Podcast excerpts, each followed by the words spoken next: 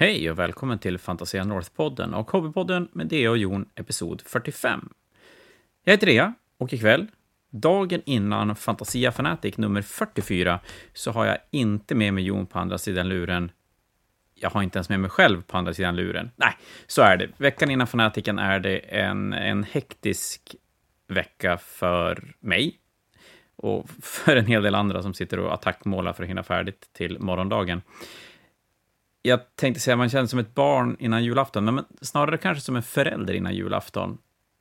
Otroligt mycket grejer att fixa, men man vet att det är så jävligt värt för att helgen kommer att bli, och jag vågar säga kommer att bli, en, en fantastisk helg, för att det blir det. Det är bara så otroligt trevligt att få träffa alla som delar samma intresse som man gör själv. Och lika passionerat och många av dem, många av, dem, många av er också, träffar man ju bara två gånger per år. Så att, eh, det gör att Fanatiken blir någonting alldeles, alldeles speciellt. Vi har 96 anmälda 40K-spelare nu. Det har varit några sjukdomstrops här precis innan. Och 39, ursäkta, 39 stycken Age of Sigmar-spelare. Så att det ser bra ut. Det är eh, full rulle. Men det gör att det här avsnittet, för att en fredag, så då, då ska man hobbypodda, även om jag inte målar denna fredagkväll. Jag bär bord, ställer ut terräng och finfixar. Men jag kan tänka mig att det är en hel del av er där ute som lägger sista färgen på, på lite figurer. Kanske lyssna på förra avsnittet om att hetsmåla. Men i alla fall, Jon är upptagen i hetsmålning eller någonting annat, eller att vara gubbe. Så att eh, vi tänkte att det passade väldigt, väldigt bra att slänga ytterligare ett avsnitt i våran Fanatic-historia. Vi har kört två avsnitt, ni får jättegärna lyssna igenom dem. Vi betar som av, ja, inte turnering för turnering, men lite tidsperioder och, och går sakta men säkert mot Fanatic nummer 30. Så det innebär att det inte var jag som pratar, utan vi har med oss Daniel Tarander, så att eh, nog med mitt snack. Vi gör så att vi eh, kör igång Fanatic Historia-podden nummer tre.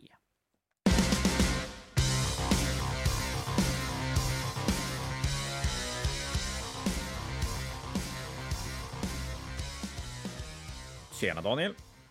Hallå, hallå! Men du, då har vi kört två stycken avsnitt än så länge och vi trodde väl att vi skulle vara färdiga vid det här laget, men det är vi inte. Nej. Nej, vi har tagit oss fem år av 15 tror jag. Så att... Ja. Det, det kanske, kanske inte tar lika lång tid för alla, men, men eh, ja, oavsett. Vi tycker att det här är kul och, och, ni får väl lyssna så mycket som ni känner att ni, ni vill lyssna på Fanatic-historien, men eh, lite småsaker kanske intresserar de allra flesta. Precis, det kanske blir lite långdraget på sina ställen, men det är också så här man oftast hittar igen de här riktiga anekdoterna som kommer till minne när man pratar igenom saker. Ja, men faktiskt, så är det definitivt. Men vad sa vi då? Vi hade 2004, var det så? Nej? 2005, 2005 pratade vi om senast mycket och gick igenom hur första, eller det äldsta häftet vi hade kvar såg ut och lite grann hur turneringen var uppbyggd då. Så vi fortsätter väl direkt med 2006. Där finns det inte så mycket information att gå på. Jag tror att det var antingen på våren 2006 eller på hösten 2006 eh, där vi införde att spelarna gick in, fick gå in och måla bedöma också med en till fem poäng. Skulle man måla bedöma sin, sin medspelare eller sin motståndares armé då efter matchen. Och det här var, var det här, jo men det här var fortfarande när, när målarpoängen spelade in i totalpoängen?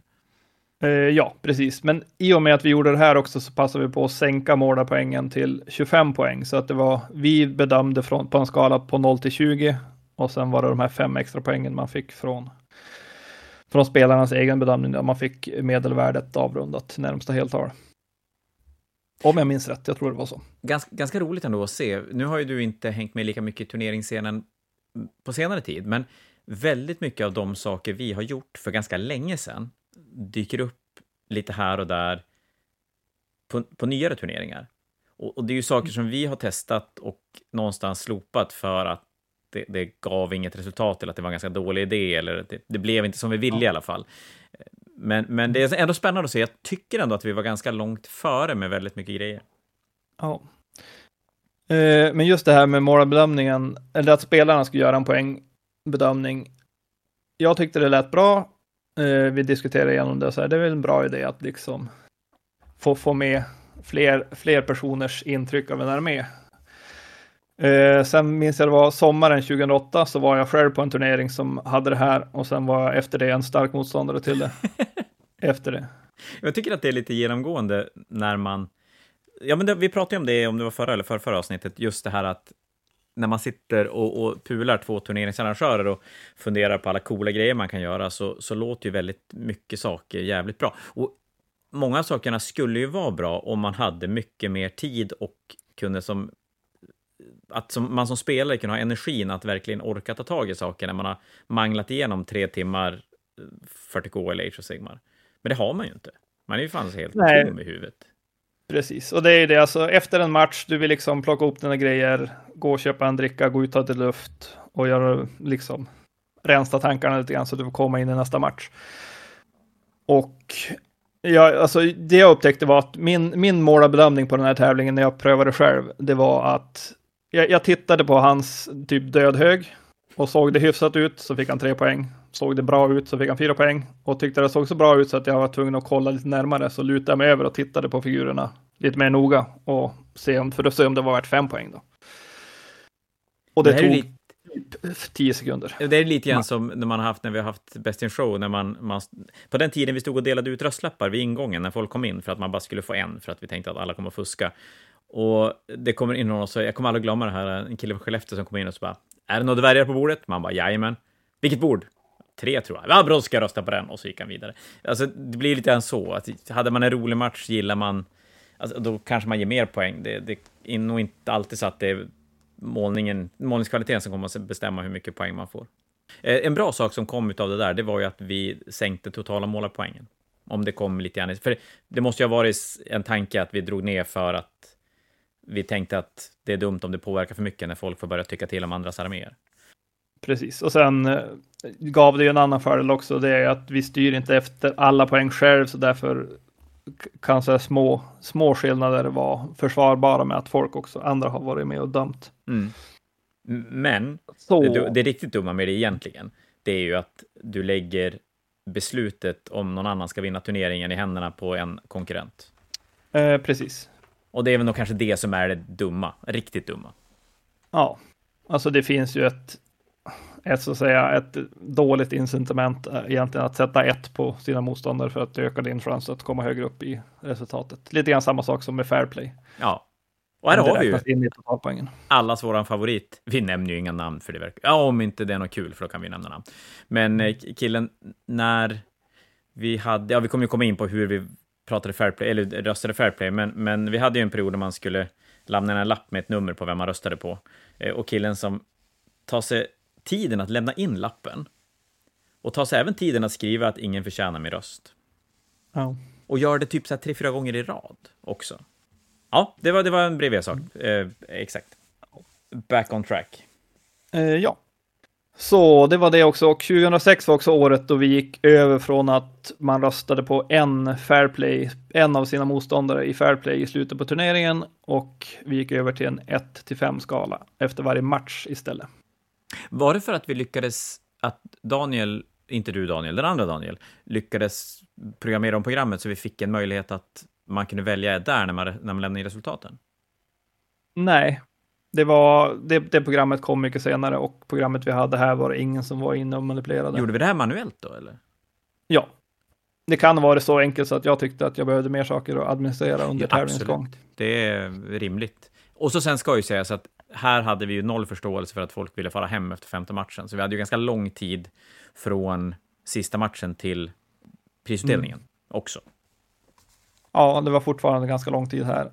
Eh, sen vart det, tror jag, vi körde, vi körde 1 5 på Fairplay ett tag. Då vi nästan har tagit bort den här pausen mellan. Eh, men då slutade vi räkna sista matchen. Eh, tror jag. Ja, men det är precis som vi gör nu. nu. För nu är vi tillbaka till att BCP inte klarar av att lämna in softscore på samma sätt. Så att nu måste vi ha något så här du röstar på en spelare och eh, nu, vi räknar inte med femte matchen heller, utan nu får du välja mellan de fyra första matcherna. Och det var ju också, ja, som sagt, 1 till 5 poängskalan. eh, var ju en grej. Eh, är, är också en grej som är så här. Det, det är bra. Det ger ett mer flexibelt resultat på ett sätt. Men det har ju också problemet är att vars har folk sin, sin basskala, baspoäng? Ja, den är, och den är ju så... För, för jag köper inte argumenten att, vadå, jag fick mer poäng för att han vann. Ja, men det är väl sådär. Det kan ju vara så att du tycker det är roligare om du vinner eller roligare om du förlorar. Det är väl känslan i matchen som är det viktiga. Men som du säger att det blir väldigt konstigt när någon har så här en, en tråkig match en fyra och allt annat en femma. Medan någon annan tycker att den, den roligaste matchen jag någonsin har spelat är en trea. Och så Mm. går det neråt därifrån. Det, det blir jätte, jättekonstigt. Jag gjorde en eh, undersökning på det här under 2007. Vi kommer inte in på varför, men där, där fick, eh, fick jag automatiskt via scenariosystemet in vem som röstade på vem, eller hur många poäng man gav och vilken motståndare det var. Eh, så jag förde statistik på en tävling där eh, för att se var folk hade sin baslinje. Och vissa personer, de ger tre och fyror, kanske någon femma. Vissa personer ger femmer nästan straight up. Det finns någon som ger femmer till alla och så ger de en etta till någon så att folk kan ha lite så här mycket. Eh, Är det någonting de har hakat upp sig på, kanske motståndaren, så då får de en etta.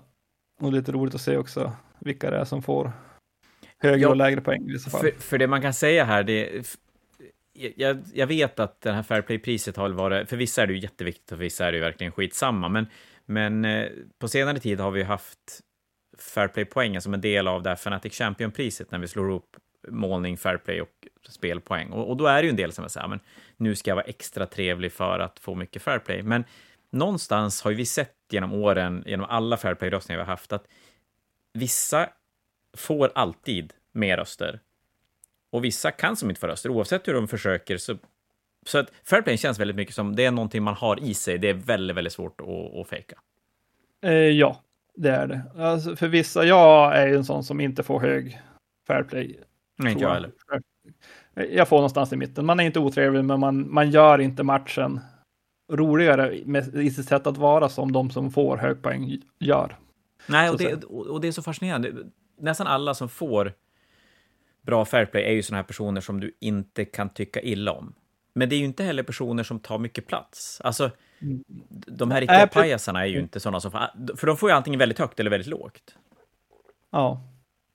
Och sen vi- vissa personer går ju inte ihop med vissa typer av människor som får hög fair play också. Så att om de träffar av en sån så tappar de ofta sin chans att vinna fair play.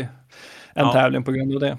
Och då är det väl nästan så att den typen av person som ger, lågt, som ger låg poäng till en, till en spelare som generellt sett får väldigt hög poäng av alla andra, det är ju en person som sällan får mycket fair play själv. Kan man väl säga. Ja. Det, det, det, det, det går väl att dra ett likhetstecken. Mm. Jag minns fortfarande en tävling vi var på, där en av dem av oss som var med, han kom efter en match och var liksom så här väldigt, han, han såg liksom irriterad ut. Så jag frågade vad det var och då var det, han hade, en person som, han hade mött en person som jag tycker är väldigt trevlig. Jag har alltid trevliga matcher när jag spelar mot honom. Väldigt pratglad och så här, en kille från Sundsvall tror jag. Och han var så här bara, han var så hopp, alltså kan, kan han bara hålla tyst och spela spelet? Jag håller på att få något fel, för han pratar typ hela tiden. Men jag tycker sånt är bra, för att jag Ja. hatar att vara den som behöver prata eller engagera mig, så att jag tycker det är bara bra om min motståndare. Ja, och då blir det ju en sån, ja, vi har ju en, en väldigt, en, en karaktär i Umeå som har varit med på podden och vi har pratat om honom jättemycket, men det är ju Fällman, Niklas. Och, och han är ju en sån här som, alltså, gillar man hans sätt att vara när man spelar mot honom, ja men då är det ju då är det, det roligaste, alltså då är det absolut det roligaste Warhammer-matchen du någonsin kan spela. Men har du lite problem med en som så spontant börjar studsa och skrika på andra sidan, inte för att han är arg, utan bara för att han blir så satans exalterad, ja, ja då kan det ju vara bland det värsta matcher du spelar. Ja, Jag, jag, jag och Fällman, vi tycker... Alltså, jag, jag, Fällman, jag älskar dig, men jag tycker inte om att spela Warhammer mot dig. Vi säger det. Eh, Men, nej, men den är intressant, och jag tror att Fairplay, det skulle man kunna... Men, men alltså man skulle kunna prata rätt mycket om det, men det är väl fortfarande så att det är ju en, ett, ett litet... Jag ska inte säga ett tröstpris, men det är ju ett pris som, som går till en, en väldigt bra del av vår community. Och det, det är bra med det än att du behöver aldrig vara rädd för att någon fejkar till sig en Fairplay. Det, det, det går bara inte. nej. Och sen finns det också en sida som är lite tråkig med det här med, med Fairplay och det är att om vissa, vissa personlighetsdrag eller saker som du egentligen inte styr över så mycket gör det också väldigt svårt att få fair play. Och mycket Ja. är ju att om du har svårt att kommunicera med din motståndare, då är det svårt att få en hög fair play. Jag minns en person kom och sa till mig att, som är väldigt duktig på War- Warhammer 40 000, han sa att han trodde att han fick dålig fair play för att han bara vann, han kör över så, så mycket Mm. motståndare.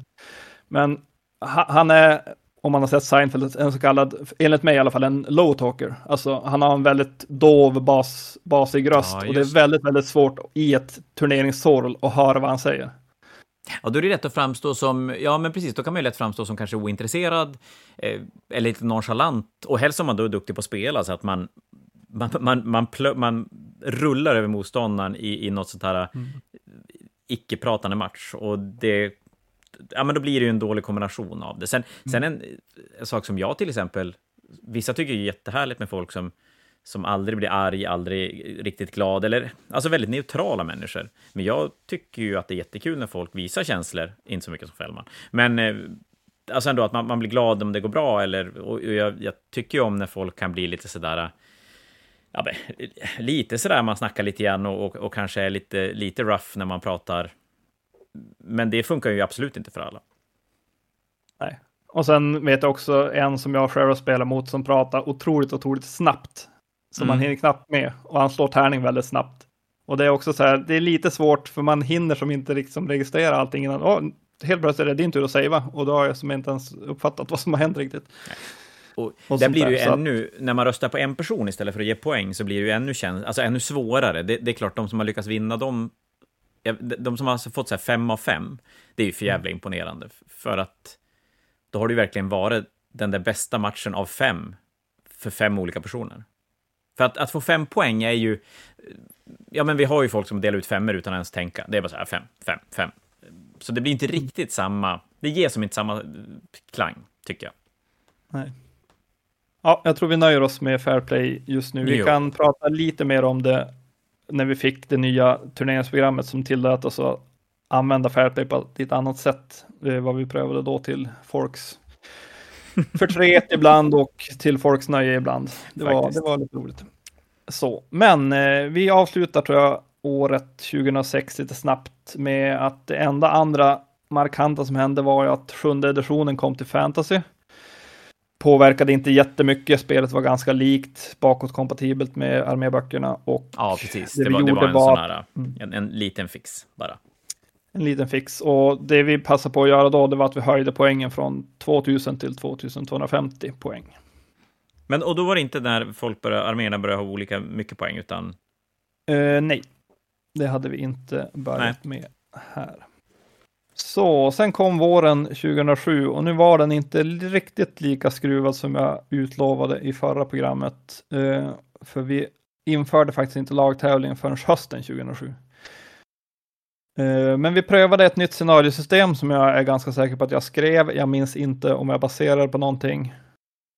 Eh, Men jag fick idén att vi skulle ha scenariokort Eh, så att man hade då på scenario, eller man hade totalt sex olika scenariokort och du valde ett varje match. Du la fram det på bordet upp och ner. Och sen eh, spelade man så att folk kunde ha olika scenarion vid olika tillfällen. Man kunde få olika kombinationer då, där man vissa, en, en spelare kanske skulle ha quarters medan den andra skulle hålla sina egna objektiv och så vidare. Eh, och sen använde vi då baksidan på korten för att man skulle skriva resultatet och vilken fair play man gav på motståndaren. Och jag tror att det var det det där är också ett, ett om man ganska tidigt, en variant på scenarion som ändå ser rätt mycket nu. Eh, Framförallt 40K-sidan, det här med att man väljer sekundära eh, och eh, tidigare också att man slumpar kort och grejer. Det är lite det, den, den tanken bakom det. Eh, ja, det låg väldigt nära. Väldigt nära eh, hur secondaries funkar nu. Lite grann. Och jag tror att, minns jag rätt så var det där väldigt, väldigt lyckat. Och en bra sak med det också, det var att vi fick ett ganska naturligt sätt att ta in resultat också. Ja, Som Folk- inte fanns på samma sätt då. nej. Det, det fick höga betyg. Eh, vi körde på det ett tag. Fick ganska snabbt uppfattningen att det var, det var ett bra system, men folk ville inte ha det jämt. Nej. Eh, Så att vi växlade lite grann mellan det där under några år. Så. Men det det också gjorde på, det var att eh, det tillät mig egentligen att börja använda deployment på ett sätt som också är lite mer som det är nu. Eh, det kom inte under våren 2007 utan det kom under hösten 2007. Men då hade jag gjort, det var, fanns tre olika deployment zones. Det var quarters, 12 tum från centrum. Det var standard pitch battle och det var stand, eller 12 tum in på den tiden. Då borde den vara lite större. Mm. Och sen var det tror jag 15 tum in och minst 24 från fienden. Ja, men det var ju väldigt standard då. Ja, så, så det var lite grann standard deployment, men det man gjorde i mitt, eller i scenariosystemet som vi hade då, det var att man slog och den som slog högst fick välja om man ville vara den som valde vilken typ av deployment det skulle vara, eller om man skulle välja vilken deployment zone man ville ha efter att deployment hade valts. Så då fick man ju välja då, är det viktigare för mig att få den typen av deployment-uppställning jag vill ha, men då får min motståndare välja vilken sida han vill ha, eller vill jag ha det tvärtom. Var det, där, det var i fantasy det, det här, det var inte 40K eller? Det var i 40K. Det var i 40K. Eh, som, ja. ja. För pitch ja, det... battle var så standard i fantasy så det fanns liksom, det, det fanns väldigt lite utrymme på, ja, quarters var väl också en grej. Ja, och det, det fanns ju väldigt lite utrymme för andra sätt att vinna matcher än att bara döda motståndaren. Det, där låg ju 40K mm. ganska långt iföre och det, det, är väl lite grann på grund av blocken och, och immobiliteten i gamla fantasy som, som gjorde det. Eh, sen tror jag, som du säger också, att, att även om det inte var så mycket scenario i fantasy så var det scenario som fanns väldigt förankrat och i 40K så var det inte lika tydligt. Påminner lite grann om, om tidig Age of Sigmar, väldigt otydligt med scenarion, man, man, man fick som skriva själv. Eh, det, mm. lämnades, det lämnas ju väldigt lite öppet för nu, framförallt i, ja, men i båda spelen egentligen, har, har så väldigt satta scenarion. På, på gott och ont. Så att eh, då valde man deployment-variant och sen valde man vilken deployment, valde andra spelarna vilken deployment-zon man hade. Sen satte man ut tre objektiv var. Ett i sitt eget deployment zone, en i neutral zon och en i motståndarnas zon. Och de skulle vara då minst 6 tum från kanten och minst 12 tum från andra utsatta objektiv. Och då kan jag bara lite snabbt dra korten. Eh, det ena var hålla dina egna objektiv. Det andra var hålla motståndarnas objektiv.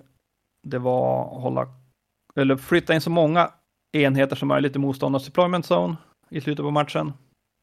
Det var assassination, extra poäng för att döda HQ och så var det hålla quarters. Ja, det är väldigt mycket det vi ser idag. Ja. Är det. Det, det, och det, det här, det här var alltså på tiden då det fortfarande var Victory Point styrt i båda spelen så att man fick scenarion, poäng, scenarierna gav extra Victory Points då. Så att säga. Ja, precis, för då, då, spelade vi att man fick poäng för att döda och så gav det här en bonus till det. Ja, och så var det skillnaden i Victory Points som gav då 20-0 resultatet.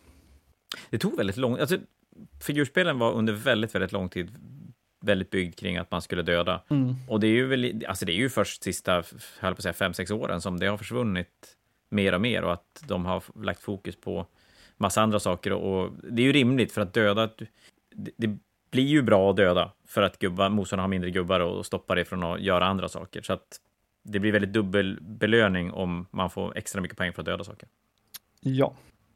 Eh, och det andra stora vi gjorde i den här tävlingen, det var att vi körde med delade armélistor. Eh, och det är jag ganska säker på att det var din idé. Jag kom in på Fantasia någon dag och du sa att vi ska köra, vi ska pröva det här. Jag tror att folk har mer, mer poäng i sina arméer än vad de spelar med. Och jag tror att det här kan bli riktigt roligt. Eh, och har man inte mer poäng så kan man spela en lista också. Men det är ganska skönt, för det är ju en ganska dum idé. Alltså egentligen. Men eh, ja, man, man ska ja. väl testa dem också. Det, alltså det, den har en, en, en bra grund. Hade jag varit kortspelare på den tiden, då hade jag ju verkligen sett vart jag fick det ifrån också. För jag menar, sideboarden i Magic är ju en grej. Det är ju en jättestor grej. Mm. Och, och gör ju egentligen spelet balanserat i tävlingsform. Men på figurspelsidan så är det ju inte riktigt samma, samma behov. Det är inte riktigt lika mycket sten, sax, påse över vad du möter och, och jag tror att att börja byta. Och sen är det drygt att dra. Och numera när man har så jävla mycket grejer och stora figurer så skulle det vara fantastiskt drygt att dra med sig extra mycket mm. gubbar. Ja, men det var alltså uppbyggt, eh, om folk undrar, så att i fantasy till exempel så hade vi då 2250 poäng. Din man byggde en huvuddel och två tillägg. Huvuddelen skulle vara minst 1500 poäng. Och sidodelarna fick inte ta din armé över 2250 poäng då. Och armén behövde bara vara laglig när du använde ett eller två, alltså ett av tilläggen till din armé. Så du hade en ganska stor pott där som du kunde göra då två olika ja, sideboards av det, eller vad man ska kalla det, för att matcha in beroende på vad du mötte. Och där måste jag ändå få säga då att idén i sig är ju, alltså konceptet är ju ganska bra och det gör det ganska coolt och man, man kan tweaka och, men eh, jag, jag är tveksam om det har en bra plats på figurspelssidan. På i alla fall 40K Fantasy, det, det är så stort så att jag vet inte om det blir bra. Och på 40K var det likadant, men då hade vi 1700 poäng max och då var det 1200 poäng minst i huvuddelen och 500 poäng sideboard så att säga. Mm. Och man ställde då fram sin huvuddel och sen valde båda sin sideboard och sen ställde man fram sin sideboard också och så spelar man efter det. Ja, jag lämnar till andra, och, eh, men jag tror att det är en, så här, det är en, det är en kul idé, en, en, men det funkar tveksamt i praktiken. Ja, om det tilltalar en så tror jag att det funkar bra. Eh, men risken är att det påverkar andra negativt lite för mycket. Ja, men den är nog inte... ganska, ganska bra sätt att se på det. Att det, som du säger, att tycker man det är kul, då är det fan jävligt roligt. Men tycker man inte att det är kul, då blir det bara inte så här en axelryckning, utan då blir det ändå något som påverkar en väldigt, väldigt negativt. Ja, och vill man då spela så måste man ju nästan gå in ganska hårt för det själv också. Ja, ja, det, det blir ju så en stor skillnad att inte utnyttja För det är ju en fördel. Ja, ja, gud ja. Eh, så, men eh, vad jag minns så eh, fick det inte så bra. Alltså, jag, jag, vet inte om det fick varken bra eller dåliga betyg. Vi uh, gjorde det aldrig igen vad jag minns. Vi gjorde det inte gången efter och jag tror aldrig att det kom tillbaka. Inte under mina år i alla fall. Nej, och vi har inte gjort det sen heller. Jag hade väl kunnat sträcka mig till och sagt att det vi använde det två gånger, men, men gjorde vi inte två gånger i rad? Nej, då var det en gång och sen blev det aldrig mer. Uh, ja, så ska vi bara nämna också att våren 2007 här hade jag, har vi resultatlistan kvar och precis som våren 2004 så var vi totalt 82 spelare. I båda spelen? Våren, ja. Mm. Men då, det var 22 40K och 60 fantasy 2004. Nu hade det börjat svänga. Nu var det på väg att börja svänga. Så nu var det 38 40K och 44 fantasy-spelare. Yeah. Så det var nästan 50-50 där. Quizen tror jag utgår. Jag tror att vi hade quiz 2007. Det verkar så på häftet. Uh... Och då var quizen en separat grej. Den, den ingick inte i själva turneringen. Jo, den har, ingick fortfarande i turneringen, men det var mest så sagt regelfrågor. Det var inte så mycket fluff, utan det var Nej. mest kunna ganska basic gr grundregler. När quizen blev mer knasig, hade den klivit ur själva turneringen då, eller var det fortfarande en del av turneringen? Alltså det som hände var ju att vi, vi började känna kanske att quizen inte hade riktigt en plats i, i tävlingen. Alltså, det är lite sånt här, visst man ska kunna kunna regler, men behöver, behöver man kunna så mycket regler utan till räcker det att man kan tillräckligt för att slå upp regler när man behöver slå upp dem och så vidare. Eh, och det som hände här var att under våren 2007, det var då min idé att börja köra en, liksom inbygga in en lagtävling i Fantasia Fanatic kom till. För det var någon gång, jag tror att det var under 2006, då höll vi en speedpainting-tävling. Eh, jag minns vi hade en outrider uppe, en av GVs outriders uppe här. Jag vet inte om det var på grund av det som vi hade speedpainting eller om det var du som ville promota någonting och det hade med målning att göra så att vi hade en speedpainting-tävling om någonting. Eh, ja, jag men jag minns, Nej, men jag minns att det var, det var ganska uppskattat det där att man kunde sätta sig och måla i fem minuter och få chansen att vinna till pris om man kanske inte var en av dem som kan vinna turneringen. Och så där. Och det var där jag började spåna i att om man kan börja, plus att vi hade också fått mycket önskemål av de som kanske är en, ja men ett gäng från Skellefteå eller ett gäng från Sollefteå eller Övik eller någonting kommer upp och man vill ju gärna inte möta klubbkamraterna som man spelar mot varje helg hemma, utan man vill hellre möta andra. Eh, så allt det där kulminerade i att jag ville få till en, en form av lagtävling där man spelar. Man får använda sig som lag. Man blir inte lottad mot sina lagmedlemmar i en viss utsträckning. Och eh, vi kanske kan slänga in så här små grejer som men en lagquiz. För nu, om man har det som en lagquiz, då spelar det ingen roll vad det är för typ av frågor eh, och vilken svårighetsgrad det är på frågorna, så att jag kunde gå haywire med quizen igen. och ja, men det, och det kunde då bygga ett pris. Man får poäng till laget när man får poäng i tävlingen och så vidare. Så att Eh, vi mixade ihop det här och sen hade jag funderat ut en, en form av avslutning. Som jag tror första gången var lagquizen. Det var avslutningen också. Eh, vilket hade sina för och nackdelar. Så. Det, för visst var det här också att man, då fick, man kunde inte möta sina lagkamrater från början, men sen beroende på hur man låg till i turneringen så tappar man som den, den förmånen att inte kunna möta lagkamrater för att inte bra spelare ska kunna hooka upp med varandra. Precis, vi lottade första omgången så kunde man inte träffa en lagkamrat. Eh, lagen fick också vara max, det var tre till fem spelare tror jag, som eh, man fick vara i lag. Och var det två stycken som kom och inte ville möta varandra så la vi in dem som ett lag också, även om de inte var med i lagtävlingen per se. Så man kunde inte möta sin lagkamrat i runda ett. Runda två så tog vi bort eh, lagstatusen för de som låg åkte topp 10.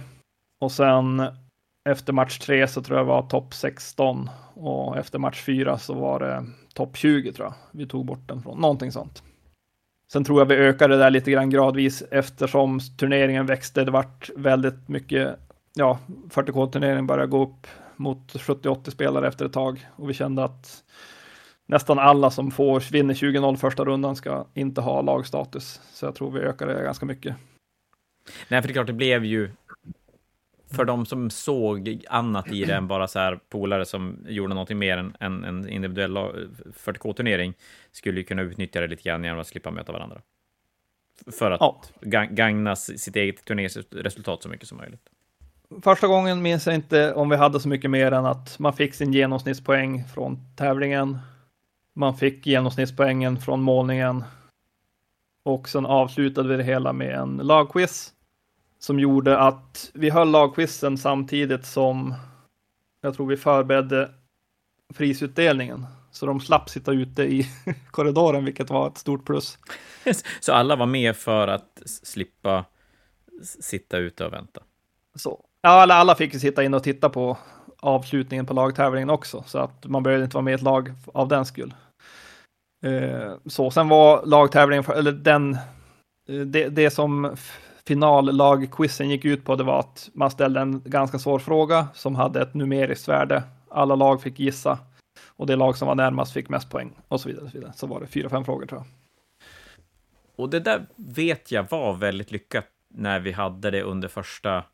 Ja, men det var väldigt lyckat i början och det blev, det blev som en grej men sen var det väl svåra i det var väl att hitta balansen där det inte bara blev de bästa spelarna som vann lagtävlingen också.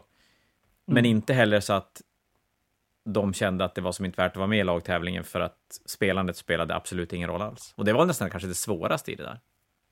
Ja, precis.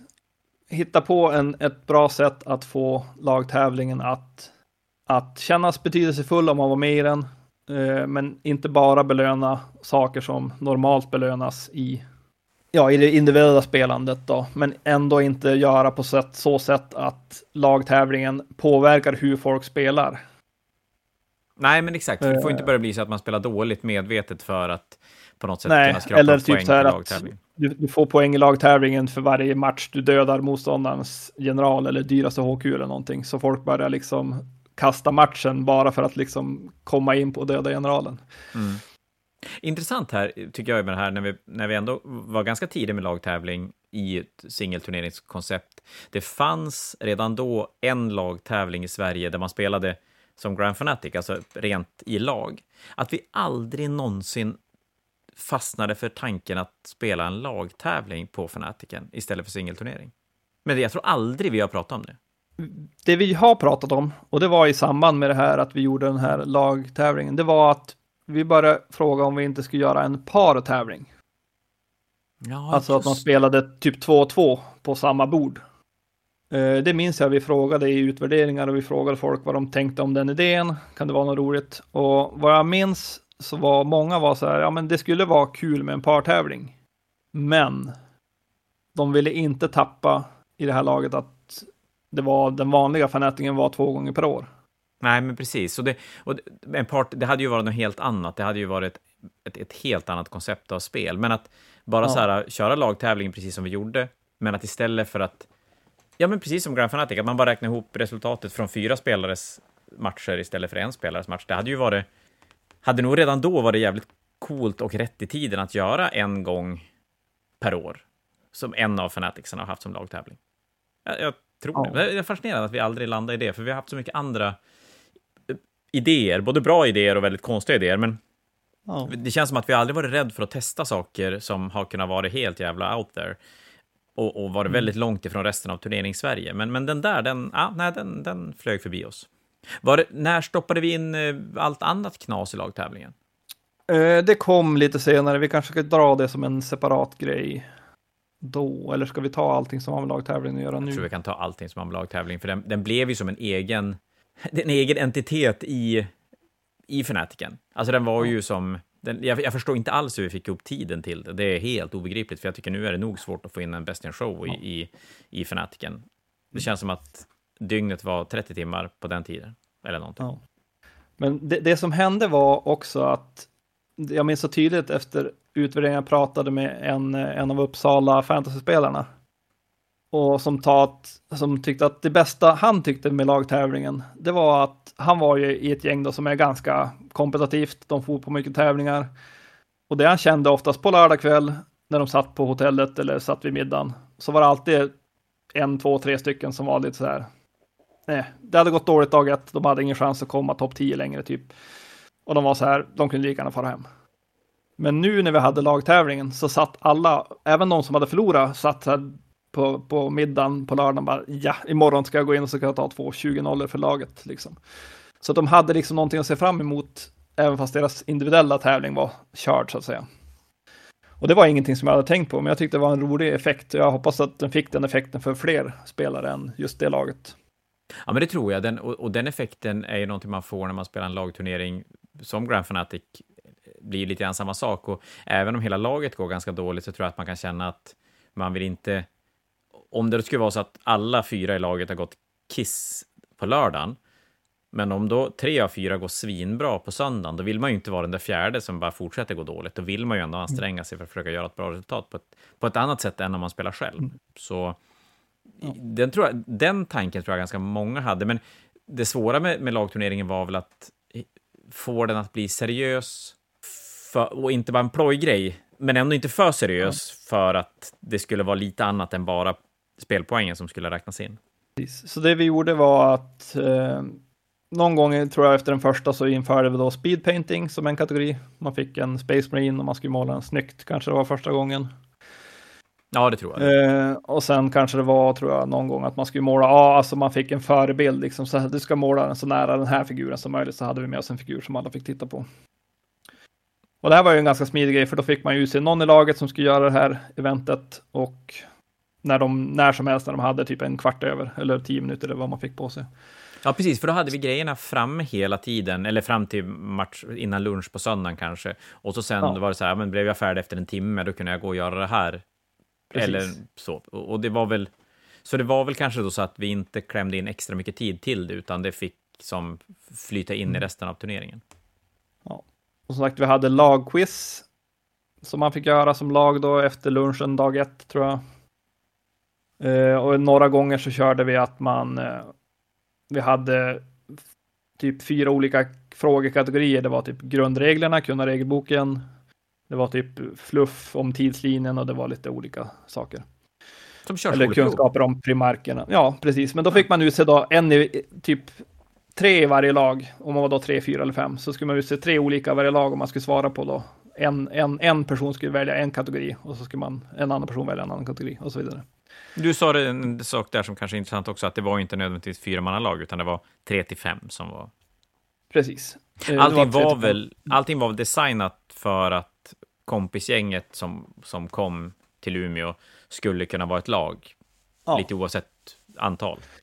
Ja, precis. Och var man mer än fem, då fick man göra två lag. Då. Ja, precis. Två tremannalag, eller hur många man nu behövde göra. Så, och sen, sen börjar de här grejerna bli lite mer invecklade, eller in, inte invecklade, men jag tror det var någon gång 2011, då kom vi på idén att man fick ett par Space Marine-ben, sen skulle en i laget med green stuff på tror man hade 30 minuter på sig om man hade en sån stor lucka i schemat. Och modellera överkroppen på en Space Marine. Uh, och sen uh, fick den torka över natten och så sprayade vi dem på morgonen. Söndag morgon så skulle jag en speedpainta den efter ett schema uh, på söndagen. Och det har varit väldigt lyckat. Folk tyckte det var väldigt roligt. Det varit väldigt fina figurer. Vi har dem på bild. Du kanske kan lägga upp dem som reklam för det här Jag ska dela ut dem. De, dela de här på sociala medier så att ni kan se hur mm. de ser ut. Det var, det var eh, allt från dykare Space Marines till annat. Och en del fantastiska kreationer på väldigt, väldigt begränsad tid och begränsat ja, alltså jag, material. Jag är sjukt imponerad över hur vissa, alltså överallt alla fick det se ut som en Space Marine. Ja, typ alla, ja, men alltså faktiskt. Och, och det, jag, menar, jag, jag vet själv att skulle jag sätta mig och försöka skulle det inte ens bli nära något sånt där. Så mm. det är ju en, en rejäl kreativitet där ute. Och mm. konceptet var fantastiskt roligt då. Sen vet jag inte. Ja, det finns väl anledningar varför det inte har följt med över tid, men eh, som en grej under Fnatic-historien var det för jävligt roligt. Ja, sen tror jag vi stod över lagtävlingen någon gång, eh, en eller två gånger. Eh, och man fick fortfarande anmäla sig som lag just för att slippa möta varann under samma princip som vi har gått igenom. Eh, sen fick den en renässans hösten 2012 då jag hittade på då grejen med achievements. Att det fanns olika achievements man kunde göra för att få mer poäng då. Till exempel inför turneringen om alla hade en armélista med olika poäng så att man om man hade 2000 poäng i 40K då, om man en hade 2000, en hade 1998, 1996 och så vidare. Var ett achievement att alla i laget spelar med olika arméböcker eller kodex var ett achievement och det var lite sådana här grejer man kunde göra. Uh, och det här var ju också en grej som vart väldigt lyckad. Uh, folk fick mycket mer en känsla av att lagtävlingen blev någonting man kunde gå in för. Och det vart nästan, om du inte gick in för det så vart det väldigt svårt att vinna för att du tappar för mycket poäng på att du inte gjorde de här olika achievementsen. Och här är vi ju snudda på en, en del när, när det blir gränsa till då att påverka den, den individuella turneringen för mycket i hur ja, men till exempel att man väljer bort en armé för att man ska få den achievementen och, och lagturneringen blev, eller lagtävlingen blev som en, för, för många kanske det blev huvudtävlingen på Fanatiken. Ja, och där vart det också, jag prövade någon gång minns jag, det var lite inne på det här hur mycket får lagtävling påverka. Och det var någon där man typ i match två skulle man göra någonting som typ döda motståndarens general. Och match fyra skulle man göra någonting. Jag tror att det var något specifikt man skulle göra i matcherna.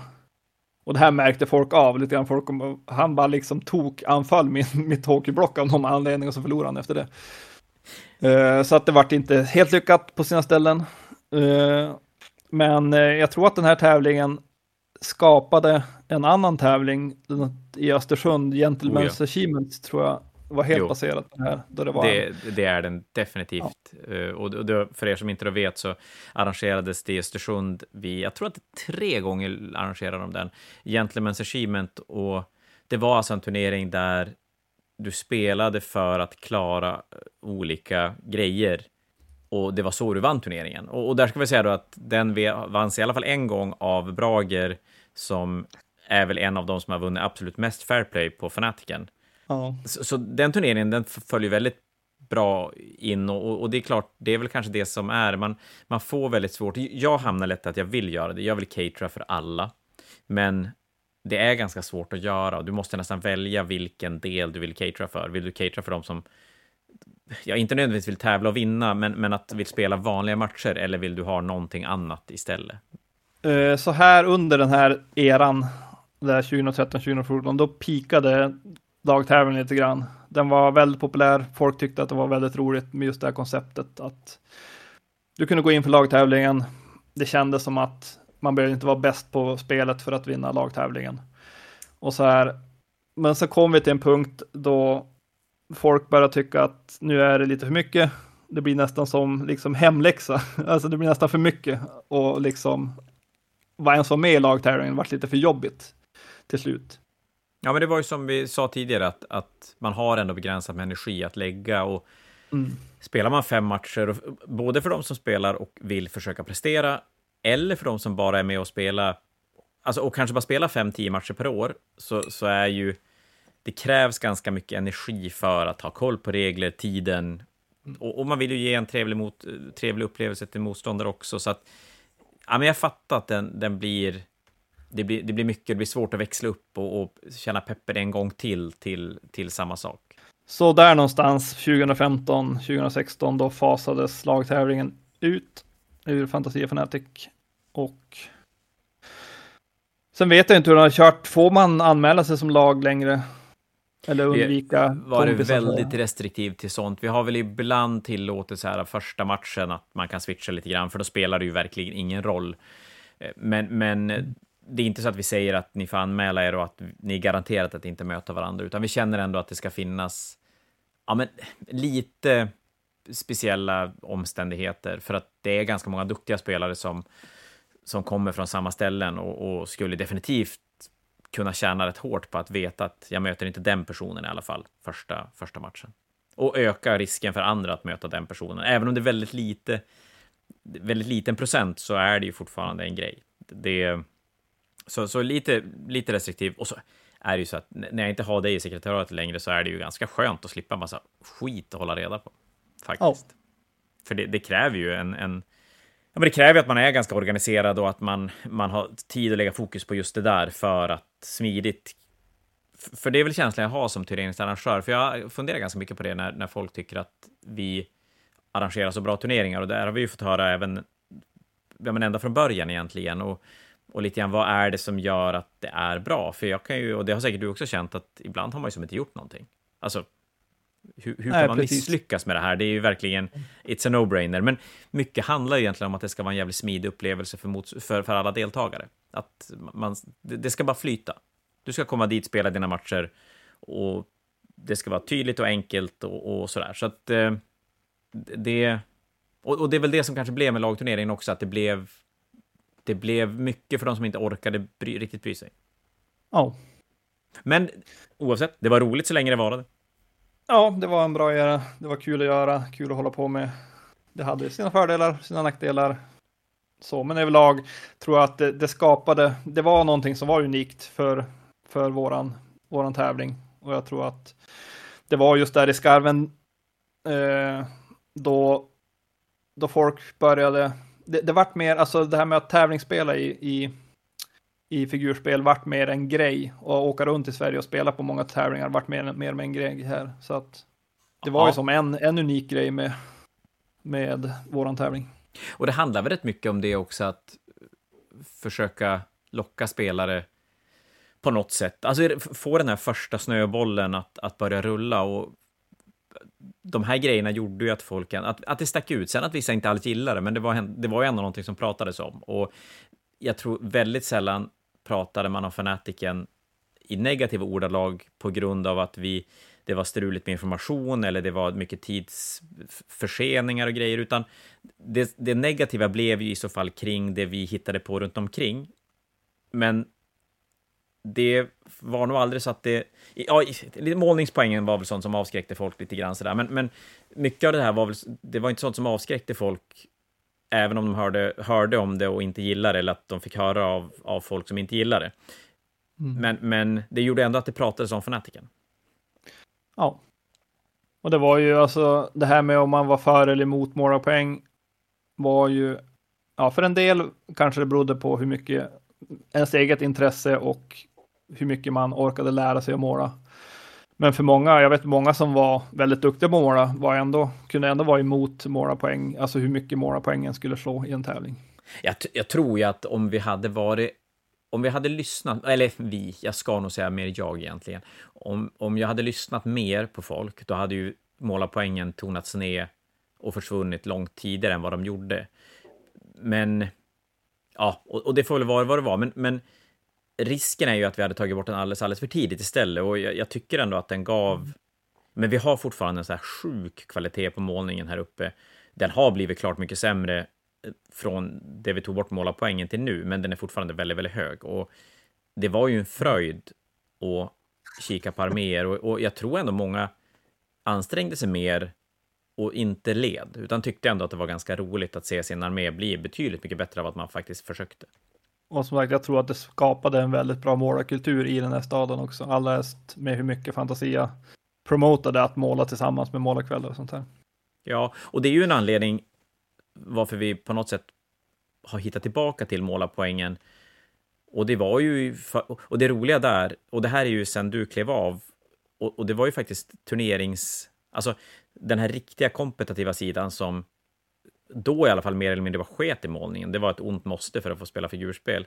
Men de tyckte att så här, men det är lite tråkigt för kvaliteten på målningen har ju sjunkit ganska mycket här uppe och målarpoängen var ju ändå som, var inte det en bra grej för att höja kvaliteten? Och så blev det så här, men vadå, ni, ni tycker ju inte att det ska spela roll. Men det var ju då vi, vi som kom tillbaka med den och la det här Fnatic Champion-priset när, och Fnatic Champion-priset, vinnaren där, det är ju som att vinna turneringen i, under tiden vi pratar nu.